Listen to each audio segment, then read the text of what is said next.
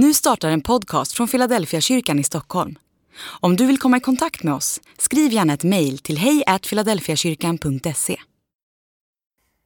Dag 357 Konstruktiva prövningar Ge oss idag vårt bröd för dagen som kommer och förlåt oss våra skulder, liksom vi har förlåtit dem som står i skuld till oss.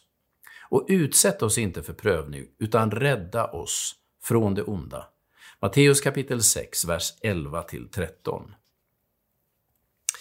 Några av mina vänner ansökte för några år sedan om att få adoptera ett barn. De hade länge försökt att få egna barn utan framgång.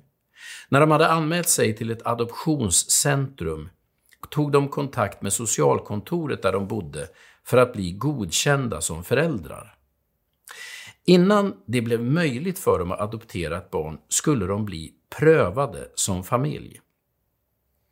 Det innebar att en socialsekreterare kom till deras hem och ställde frågor om deras relation och liv. En del frågor var ganska närgångna, men hela proceduren fyllde en mycket viktig funktion. Man ville se om deras relation och deras hem var en lämplig plats för ett barn. Vi använder ordet pröva för att beskriva en process där man testar hållfastheten eller kollar trovärdigheten av något. Det betyder att man utsätter det man prövar för belastning. Man drar eller trycker. Om det handlar om en relation så ställer man frågor som kryper under skinnet. Syftet med en prövning är att få kunskap om sakernas tillstånd, att peka på styrkor och svagheter. När Bibeln talar om prövningar så beskriver den två olika sorters. Det finns en konstruktiv prövning och en som bara är destruktiv. I bönen Fader vår handlar det om den senare sortens prövning.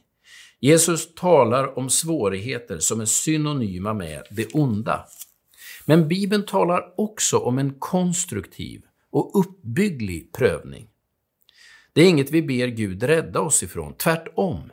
Det finns böner i Bibeln där vi ber att Gud ska pröva oss för att vi ska få veta hur det är ställt med oss och om vi är på rätt väg. Ransaka mig, Gud, och känn mina tankar. Pröva mig och känn min oro. Se om min väg för bort ifrån dig och led mig på den eviga vägen.